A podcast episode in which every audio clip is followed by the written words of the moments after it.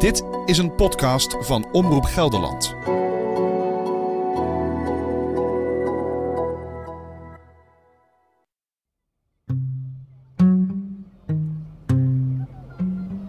Hier zo meteen moet je linksaf weer.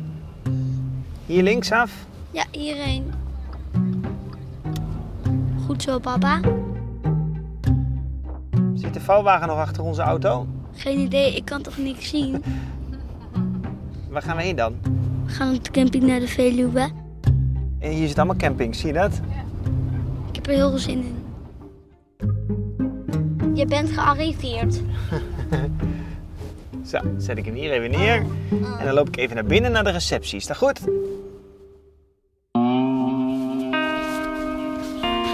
Daar sta ik dan, met een opnameapparaat in mijn hand bij de receptie van de camping aan de rand van de Veluwe, in het dorpje Emst. Hoi, goeiedag. Hoi. Eh, ik heb een camping geboekt. Eh, welke naam? Oosterwegel. In het vooruitzicht een weekje meivakantie met de kinderen. Dus meld ik me op één van de 500 vakantieparken die de Veluwe telt. Heeft het groene huis gehad? Ja, perfect. Ja, het is niet zo heel ver. Mijn favoriete binnenlandse vakantiebestemming. En ik ben niet de enige. In Nederlands grootste natuurgebied werden vorig jaar ruim 2 miljoen vakanties geboekt.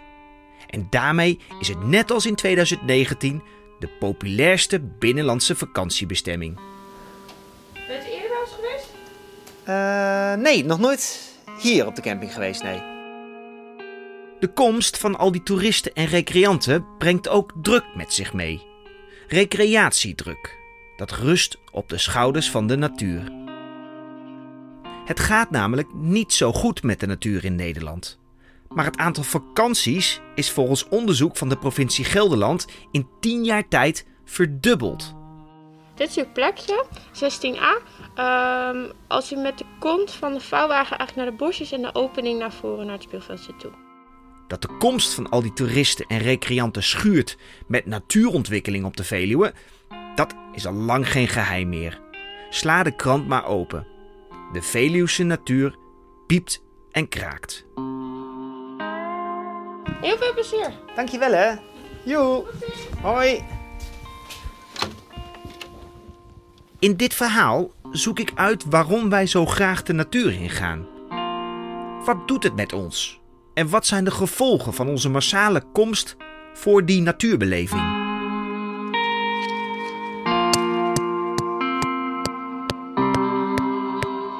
We zelf niet bij aan de destructie van de natuur?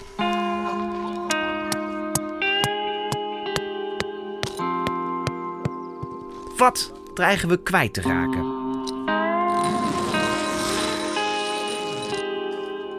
Wat gaat dat met ons doen als we de natuur niet meer kunnen beleven zoals we zouden willen? Stel je dat nou eens voor, dat mijn kinderen over 50 jaar niet meer die unieke natuurbeleving op de Veluwe kunnen meemaken. Mijn naam is Frank Oosterwegel en je luistert naar de podcast Pretpark Veluwe. Dit is aflevering 1. Dode Wolf.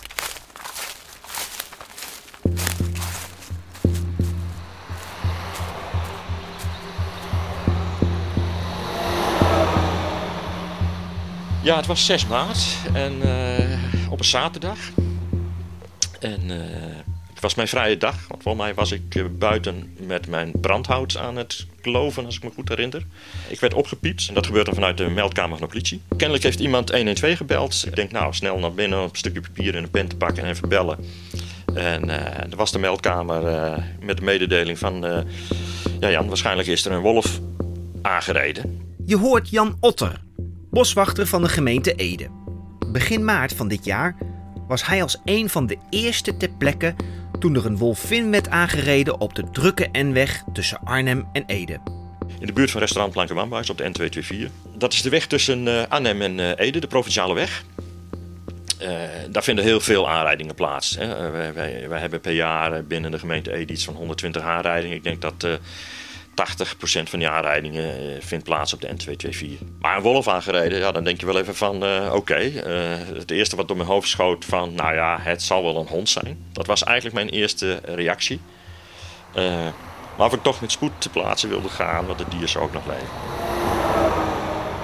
Als Jan aankomt bij de plek, ziet hij een enorme file. Mensen regelen het verkeer en autodeuren staan open. Hij besluit zijn zwaailampen aan te zetten en naar de plek te rijden waar de wolf ligt. Je ziet die, je ziet die wolf daar liggen. Nou, het, wat ik nog steeds wel bijzonder vind, is twee dingen. Hè. De enerzijds van, oké, het is geen hond, het is de wolf. Dat iets in dat dier, zoals het daar lag, en in de vacht en, en, en uh, maakte dat ik die conclusie ook gelijk trok. Van, van oké, shit, het is echt de wolf. Je kon nog wat adem als het ware zo, zo, uh, uit, uit, de, uit de bek zeg maar. Dat je ziet ook dat het dier nog maar net dood was. Dus dat was... Uh, maar de, de, twijfel van, is het nou een hond of een wolf? Dat, die was op dat moment gelijk weg en was duidelijk, duidelijk zichtbaar. Dat, ja, daar, daar ligt de wolf. Dus het was inderdaad zo van, shit, hé. Hey, het is nog echt ook. Dat, dat was eigenlijk mijn eerste reactie. Nou ja, en dan ga je handelen.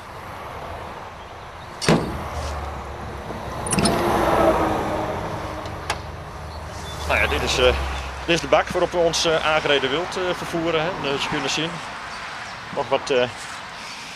wat hettehaar zit erop. Van, ik denk van mijn collega van de afgelopen week. Ik heb dit, deze week nog geen aanrijdingen gehad tot nu toe. Maar ja, hier hebben we de wolf ook opgeladen en, en weggebracht. ja. Dus dat was de laatste rit van de wolf, bij wijze van spreken. Ja, ja, ja. ja. Dus die wolf hebben we ingeladen en uh, naar de schuur ge gebracht van de natuurmonumenten uh, op Oud-Reemst.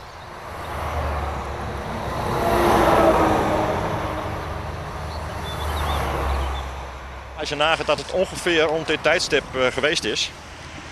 En nu is het weliswaar een doordeweekse dag, maar op zaterdag is het hier eigenlijk dezelfde verkeersintensiteit als dat je nu hebt. Nou, je ziet ook hè, dat uiteindelijk vanaf die kant, ja, je zit al gelijk bij het restaurant. Dus het is, qua, qua omgeving is het ook een plek dat die wolf hier nu net oversteekt, is wel, uh, ja, raar.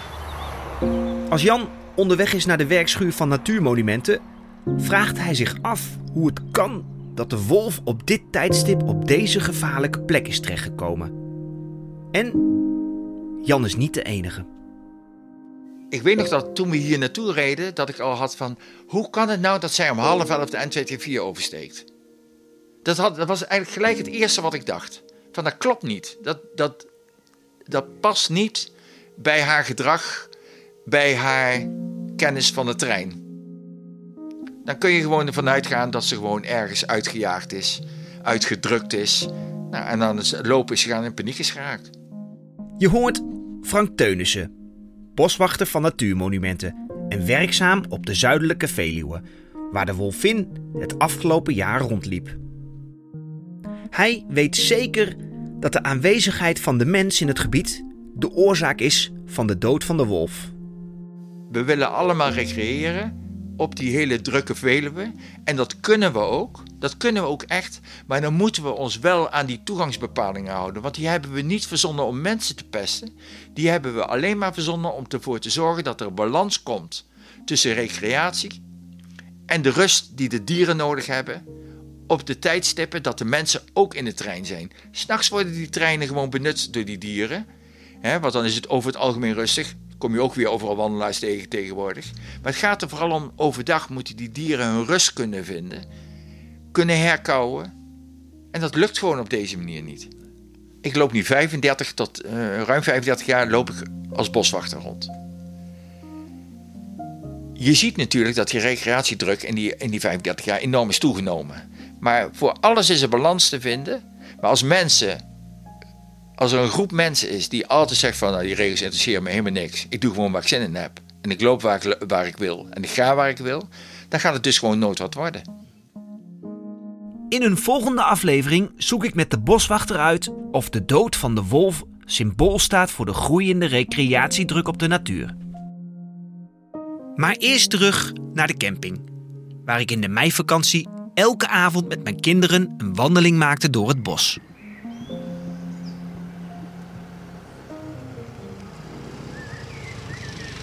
Hoi.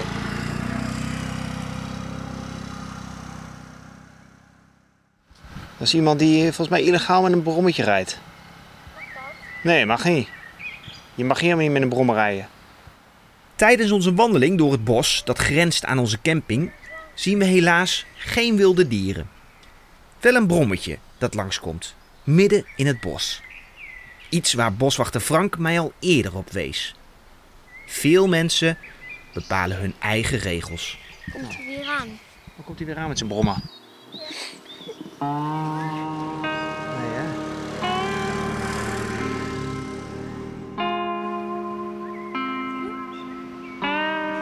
Ik weet niet wat hij aan het doen is.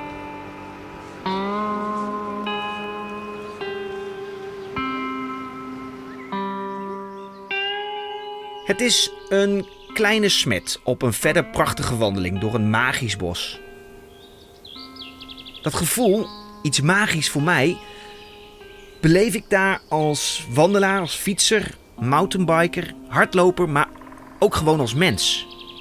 Het heeft me een aantal jaren geleden er weer bovenop geholpen, toen ik tegen een burn-out aan zat. Al lopend door het bos kwam ik tot rust. De geur van dennennaalden, die typische geur die je ook ervaart als je een flacon badschuim opent. De vogels fluiten om je heen en jij loopt daar nietig, maar o zo rustgevend door het bos. Geen gehaast om je heen. Het gaat om voelen. Vereiste actie? Gewoon dwalen. Liefst nog verdwalen. Niks moet. Alles mag. Dat kan zo fijn zijn in de natuur. Het liefst in een gebied zo groot mogelijk, zonder grenzen. Wat zoeken we daar? Wat vinden we daar? Wat doet dat dan met onze geest en met ons lichaam? En wat doet dat met ons als we dat niet meer kunnen vinden? Of als dat niet meer lukt? Wat verliezen we dan? Dit zijn van die zulke wezenlijke vragen dat je dat, dat raakt eigenlijk aan het, ja, aan, de, aan het wezen van ons bestaan. Ja, dan, dan, dan, en je komt dan ook eigenlijk een beetje van ja, wij zijn dus natuur. Hè? We, we komen uit de natuur, we gaan weer terug in de natuur en ook dat soort dingen. Dat, dat, op, op dat niet meer spirituele niveau speelt het ook mee natuurlijk. Je hoort Agnes van den Berg, hoogleraar natuurbeleving en gezondheid aan de Rijksuniversiteit Groningen. Goedemiddag. Mag ik eh, één eh toffee, één framboos? Zet het? Ja. 8,25. 8,25. Het is een zonnige dag in april. De lockdownmaatregelen zijn net iets versoepeld. En ik heb afgesproken op de parkeerplaats bij de Loenense waterval. Met 15 meter verval, Nederlands hoogste waterval. Op de parkeerplaats verkopen ondernemers ijs en patat. En is het een komen en gaan van bezoekers. Als kind kwam Agnes al bij de waterval. Want ze groeide hier in de buurt op. Ze zeggen altijd, je komt eh, zo ongeveer dan drie keer bij die Lonische waterval in je jeugd. En als je zelf kinderen hebt en als je kleinkinderen hebt. Maar wij gingen er wel regelmatig heen. Ik was er heel lang niet geweest. Toen dacht ik ergens begin vorige maand van, nou, ik ben weer terug verhuisd naar Apeldoorn. Van, hé, hey, ik wil wel weer eens een keer naar die eh Lonische waterval. En toen was het nog, nou, ik denk wel vijf keer zo druk als, als nu. Ook de parkeerplaats aan de overkant van de weg stond vol. Er was, was geen enkele plek meer. En het grappige was, de waterval het was leeg. Dus ze zijn hem aan het restaureren, hè, begreep ik. Ja, ja, Er stond geen water in. Ja, nou, het is nu ook weer heel druk en het is heel mooi weer. Eh, zullen we die kant op lopen? Ja, laten we het doen. Agnes van den Berg kan me iets vertellen over de manier waarop wij als mens de natuur beleven. En daar dan ook echt een positief gevoel aan overhouden. Voor de meeste mensen, het grootste deel van het leven is natuur een beetje op de achtergrond. Maar wat je ziet is dat ehm, eh, natuur wel meer op voorgrond komt en meer betekenis krijgt in de jeugd, bij kinderen. Die hebben er heel veel met natuur. En juist op oudere leeftijd, dan moet je denken aan 70 plus, 75 plus, dan komt ook weer eh, natuur veel meer eh, op de voorgrond in het leven als belangrijk thema en onderwerp.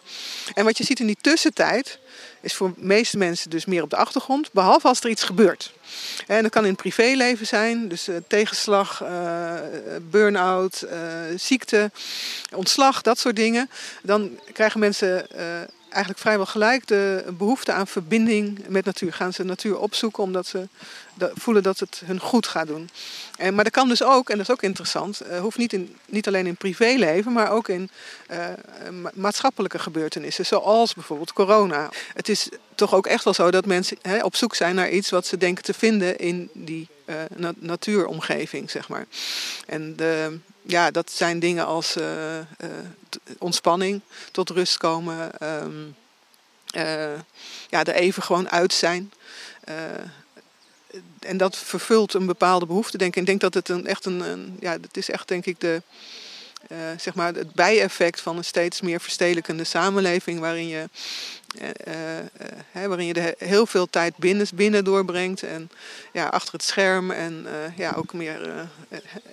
ja, en dan is er toch zo'n oerbehoefte in mensen. En die oerbehoefte is dus heel interessant. Hè? Dus er is een oergevoel van ik kom niet genoeg buiten, ik moet naar buiten. Volgens de gangbare theorie uh, is dat ergens nog een gevolg van onze evolutionaire geschiedenis. Hebben we natuurlijk al voor, voor, voor bijna ja, als je het kijkt, als je het over de, in de grote lijn van de tijd bekijkt, dan, hebben we, dan wonen we nog maar heel kort in steden. En hebben we de meeste van de tijd heeft de menselijke soort gewoon in en met de natuur geleefd. En natuurlijk, we zijn zelf ook hè, uh, ja, een, eigenlijk een diersoort. En we zijn zelf ook natuur. Dus dat, daarmee zit er een soort, ja, een soort aangeboren uh, behoefte om verbinding te zoeken met alle andere levensvormen. Uh, wat, wat, wat, uit het onderzoek ook naar voren komt. Dat mensen juist op het moment dat ze in, in, periodes van stress, als ze te maken hebben met, met stressvolle gebeurtenissen, en dat kan van alles zijn. Hè, ja, zoals jij zegt, uh, burn-out, maar het kan ook zijn dat je met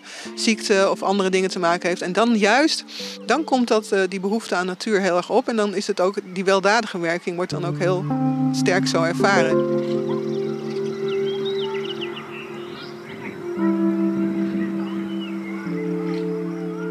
Eigenlijk pas sinds kort dat mensen zich, uh, nou ja, hè, dat, ze, dat ze eigenlijk durven toe te geven dat, dat, ze, dat natuur gezond is. Dat, dat mag nu gewoon gezegd worden en daar, uh, dat is ook goed onderbouwd door onderzoek. En uh, ja, daar kunnen we niet omheen. Maar waarom het zo is, ja, dat is natuurlijk dan. Dat, dat, ik weet ook niet of we het antwoord ooit zullen krijgen op die vraag.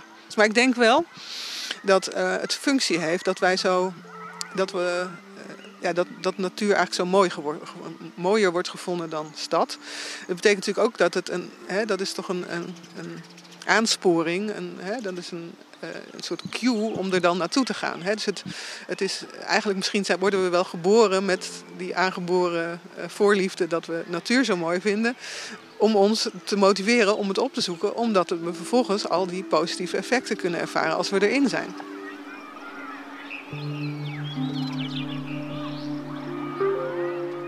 De trek naar buiten en de trek naar natuur die, we, die voor ons eigenlijk normaal is, maar die daarvoor helemaal nog niet was, die is, die is ontstaan tegelijkertijd met het in de stad gaan wonen, met de verstedelijking. Dus een zekere mate van vervreemding is ook eigenlijk wel een diepere oorzaak voor uh, natuurverering, zeg maar. Want hè, hè, als je het kwijtraakt, dan besef je pas, als je het begint kwijtraken, besef je pas hoe belangrijk het is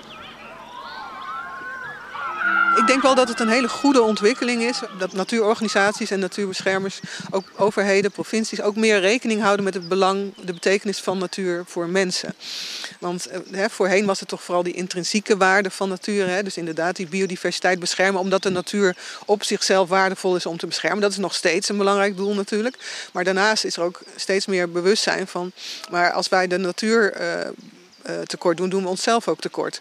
Als dat meer in het systeem van mensen komt te zitten, van we hebben die natuur nodig en uh, ja, we kunnen eigenlijk niet zonder, dan uh, is dat natuurlijk een hele goede drijfveer om om in de toekomst gewoon ervoor te zorgen dat, uh, uh, dat er genoeg natuur blijft. En wat voor mensen ook echt een hele belangrijke motivatie is, altijd toekomstige generaties. Hè? Dus wat, wat, wat, als je zelf bent opgegroeid in en met natuur, als je als kind buiten hebt gespeeld en weet hoe belangrijk dat voor je is, dat wil je dan ook voor je kinderen en voor je kleinkinderen en voor die daarna nog komen. En we weten ook wel dat als het op een gegeven moment komt er een kantelpunt en dan, dan is het er niet meer. Hè? Of dan is er niet meer genoeg ja, als dat een tijd voortduurt, dan komt in zo'n cultuur of samenleving het besef van hé, hey, we zijn echt iets heel belangrijks aan het kwijtraken. En dan komt zo'n beweging op gang.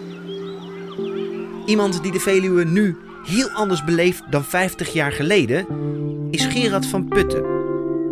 Hij groeit op in Vaassen en woonde tot voor kort in Uddel. Begin jaren 70 begint Gerard over de Veluwe te wandelen om de schoonheid van het unieke gebied te beleven. En die beleving, die is hij kwijtgeraakt. De drukte is uh, zo enorm toegenomen dat uh, men vanuit het beheer uh, van allerlei plekken afsluit, omdat de hoeveelheid mensen de rust voor het wild in, gevaar brengt. En, de edelheid is een herkauwer en die heeft per se een, een, rustige plek nodig. En ja, die plek, die wordt schaars en de, mensen, de hoeveelheid mensen wordt dusdanig veel dat er veel afgesloten wordt. Twee jaar geleden interviewde ik hem daarover voor een ander programma. En sindsdien hebben we contact gehouden. Hij heeft me geïnspireerd om deze podcast te maken. Maar wat ik toen nooit had kunnen vermoeden, dat gebeurt toch.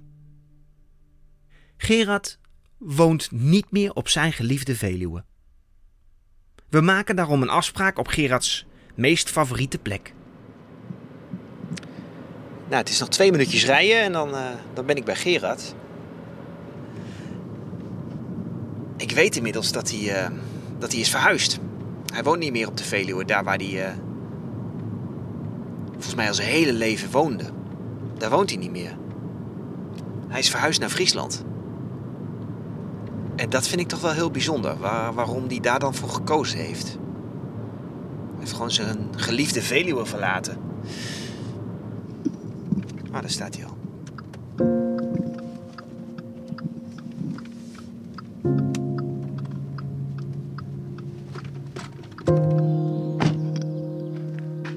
Hey Gerard, hallo. Ja, een tijd geleden. Ik ga jou een, uh, ja, wat doen we? Een, uh, een elleboog geven. Oké. Hoe is het? Goed. Ja. Goed. Je ziet er goed uit. Dank je. Ja. Dank je. Lekker gebruind. Friese zon doet je goed. Friese buitenleven, ja.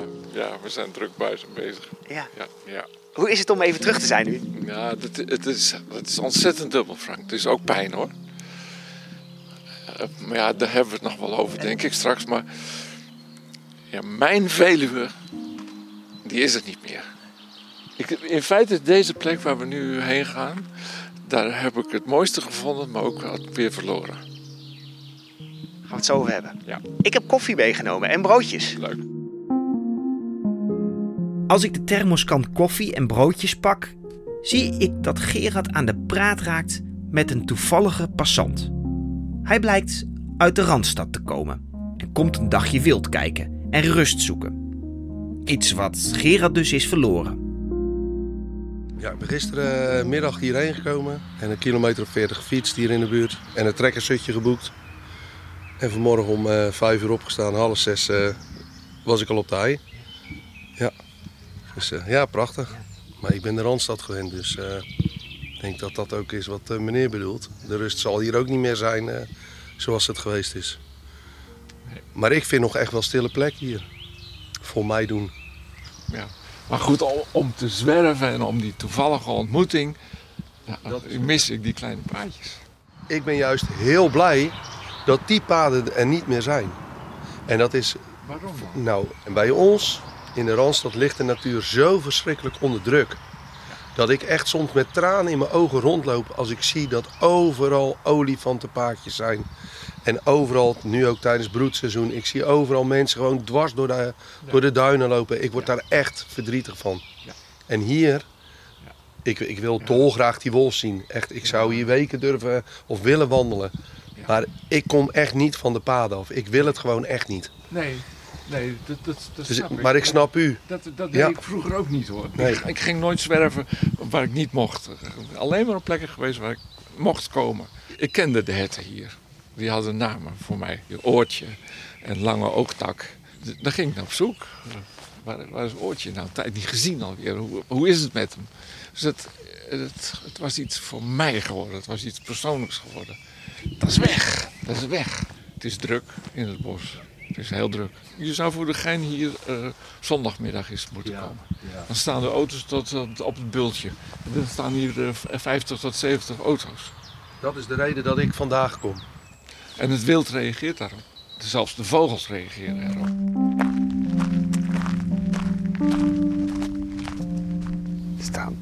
Plek dit zeg hier. We komen hier nou bovenop een heuvel. En- Schitterend, hè? Ja, heel veel... eh, Heel veel... Mont, Montespecht. dat zie jij dan weer meteen. Ja, tussen die dennen door, op, op die berg.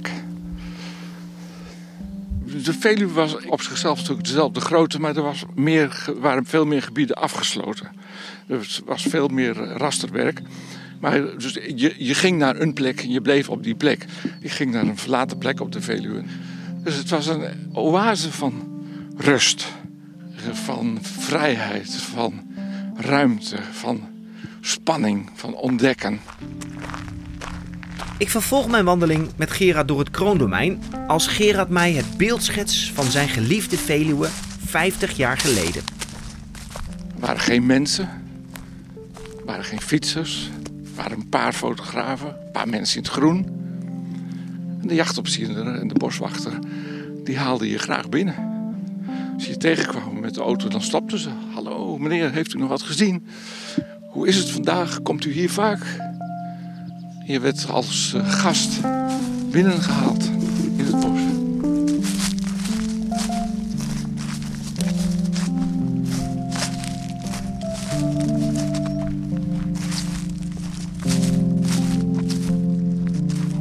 staan hier toevallig bij een eh, slagboom. Die is eh, kort geleden, een jaar geleden, afgesloten. Eh, 300 meter ook voorbij die slagboom staat een mooie oude eik met een dubbele stam. En tussen die dubbele stammen heb ik een balkje tussen gelegd. En vanaf die, daar kon je prachtig op zitten. En vanaf dat punt kijk je over het vrije veld, kilometers weg. En dan eh, zie je het wild eh, voor je lopen eh, op, op een paar kilometer. Af en toe komt het bij je. En, en ja, je, je zit daar. Niemand ziet je. Je overtreedt niks. Hoeft niet meer dan vijf meter van het pad af. En je kunt daar heerlijk zitten, zitten, zitten. Ik heb daar uren gezeten. Ja, we kunnen erheen lopen, maar het mag niet meer. Dan zijn we in overtreding. Ja, dan zijn we in overtreding. Ja, ja da- daarmee gaat ook het unieke wat je waar kon nemen vanuit die boom zittend. Dat is niet meer. Nee. Dat kan niet meer. Nee. Toch ga ik met Gerard nog op zoek naar een plek die voor hem terug doet voelen naar de tijd dat je overal nog mocht komen. En hij zijn Veluwe kon beleven zoals hij dat wil. Nou, daar kijk ik van op zeg. De hele plek is veranderd hier. Hier stond een bankje altijd. Het bankje is weg. Dus we lopen nu even naar een plekje waar ik jarenlang heb gezeten. Een paar meter van het pad. Een beetje verscholen. Ik had er allemaal dennentakken neergegooid om eh, achter te kunnen zitten. En ik heb zelfs een keer een stoel bij de schuilhut van de boswachter geleend. En die ligt hier nog steeds. Af en toe moest je de begroeiing even weer iets ophogen. Nou, in alle rust werd ik wel gedoogd op dit plekje. Ja, we lopen nu iets van het pad af. Ik denk een meter of tien of zo. Hè? Meer is het niet, 20 meter. nee, ja. En eh, staan dan een beetje aan de bosrand. En, en daar, Ja. ligt, daar ligt een soort... Ja, een, een, een, een, een, tuinstoel. Een, tuinstoel, een groene, dat dan weer wel, Gerard. Maar wel ongelooflijk van plastic. Ja. Eh, en Verscholen achter een paar eh, ja, afgebroken takken eh, van, van dennen. Ja. En hier zat jij dan? Hier zat ik. Kijk, dan zat ik hier eventjes op mijn gemak. Zo. Verscholen tussen de takken.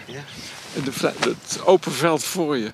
Komen ze hier 20 meter voor je langs. Oortje en lange oogtak.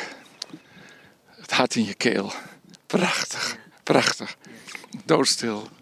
Ni- niet meer bewegen, niks doen, geen foto's maken, niet nergens op drukken, klikken. Je eh, hoofd in een bivakmuts, handschoenen aan in de zomer, geen witte vlekken. Dat zie je absoluut niet zien, niet horen, niks merken. En dan komt het wild hier langs. Dan komt er zo'n imposant edelheid langs stappen. Met een gewei op zijn hoofd, wat je nauwelijks dragen kunt, zo zwaar. Prachtig. Je zit totaal in rust met je poten op de grond. Je, bent, je voelt je één met het gebied. Je, je voelt je als het ware opgenomen. Je, een, een eenheid van dat bos. Alsof je hele wezen hier even past in rust. Voelt als, eh, alsof je hierbij hoort. Ik heb altijd mijn ontspanning op de Veluwe kunnen vinden. En ook in moeilijke uh, perioden, voor mijn werk wel eens moeilijk, hectiek van het leven wat op je afkwam. Dan de Veluwe op, rust. Telefoon uit, rust, kijken, kijken wat je ziet. Maar is het dan een beetje ook een soort medicijn of zo? Ja, voor mij wel, ja. Ja, ik, ik mis dat oude gevoel. En uh, af, af, en toe dan vraag ik me ook af hoor, of ik nou een beetje zeurderig was door mijn leeftijd. En dat, waarom of ik niet gewoon accepteer hoe dingen veranderen. Ik begin steeds meer te begrijpen wat Gerard bedoelt met zijn Veluwe en de manier hoe hij die beleefd heeft. Dat gevoel dat hij moet hebben gehad in die plastic stoel. Helemaal in stilte met het wild dat op enkele meters van je af door dat schilderij loopt. Nou, klap hem maar weer in. Ja, ik laat het liggen. Je weet nooit. Misschien kom ik binnenkort nog eens weer. Een dag na onze wandeling op de Veluwe, op de plek die Gerard zo dierbaar is, gebeurt er iets onverwachts. Ik krijg een berichtje van Gerard. Het begint met de tekst The Day After. En dat het fijn was om samen rond te lopen, maar al gauw gevolgd door een zin die de sfeer doet omslaan. Vandaag voelt als een rouwdag, verlies. En bij het forsen in mijn gedachten heb ik maar één conclusie. De ziel is eruit. Wellicht niet overal op de Veluwe, maar wel op de plek van gisteren.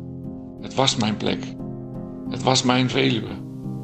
Ja, ik ben eigenlijk wel heel benieuwd naar wat uh, Gerard mij nu stuurt en, en wat hij hiermee bedoelt. En ik ga hem gewoon bellen.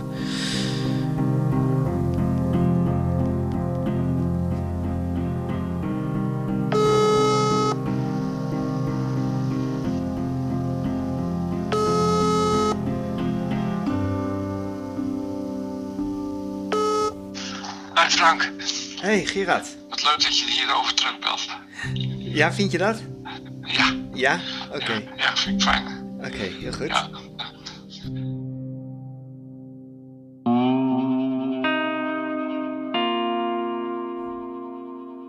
In de volgende aflevering hoor je meer van Gerard. En moet ik hem ook wat opbiechten. Ik vervolg mijn zoektocht naar de natuurbeleving, die we dreigen te verliezen. En stel de vraag of we zelf met ons bezoek niet allemaal bijdragen aan de teleurgang van de Veluwe.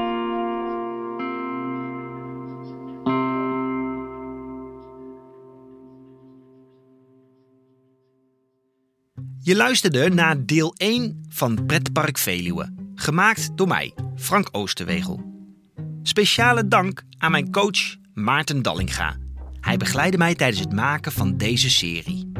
Techniek werd geregeld door Jurgen Telkamp en de eindmontage werd verzorgd door Gedo van de Zee. Wil je eens iets heel anders horen? Luister dan naar De Dood van Robert. Een podcastserie van mijn collega's Jenda Terpstra en Ellen Kamphorst. Vond je dit een mooie podcast? Laat dan een recensie achter. En raad de serie aan bij vrienden en familie.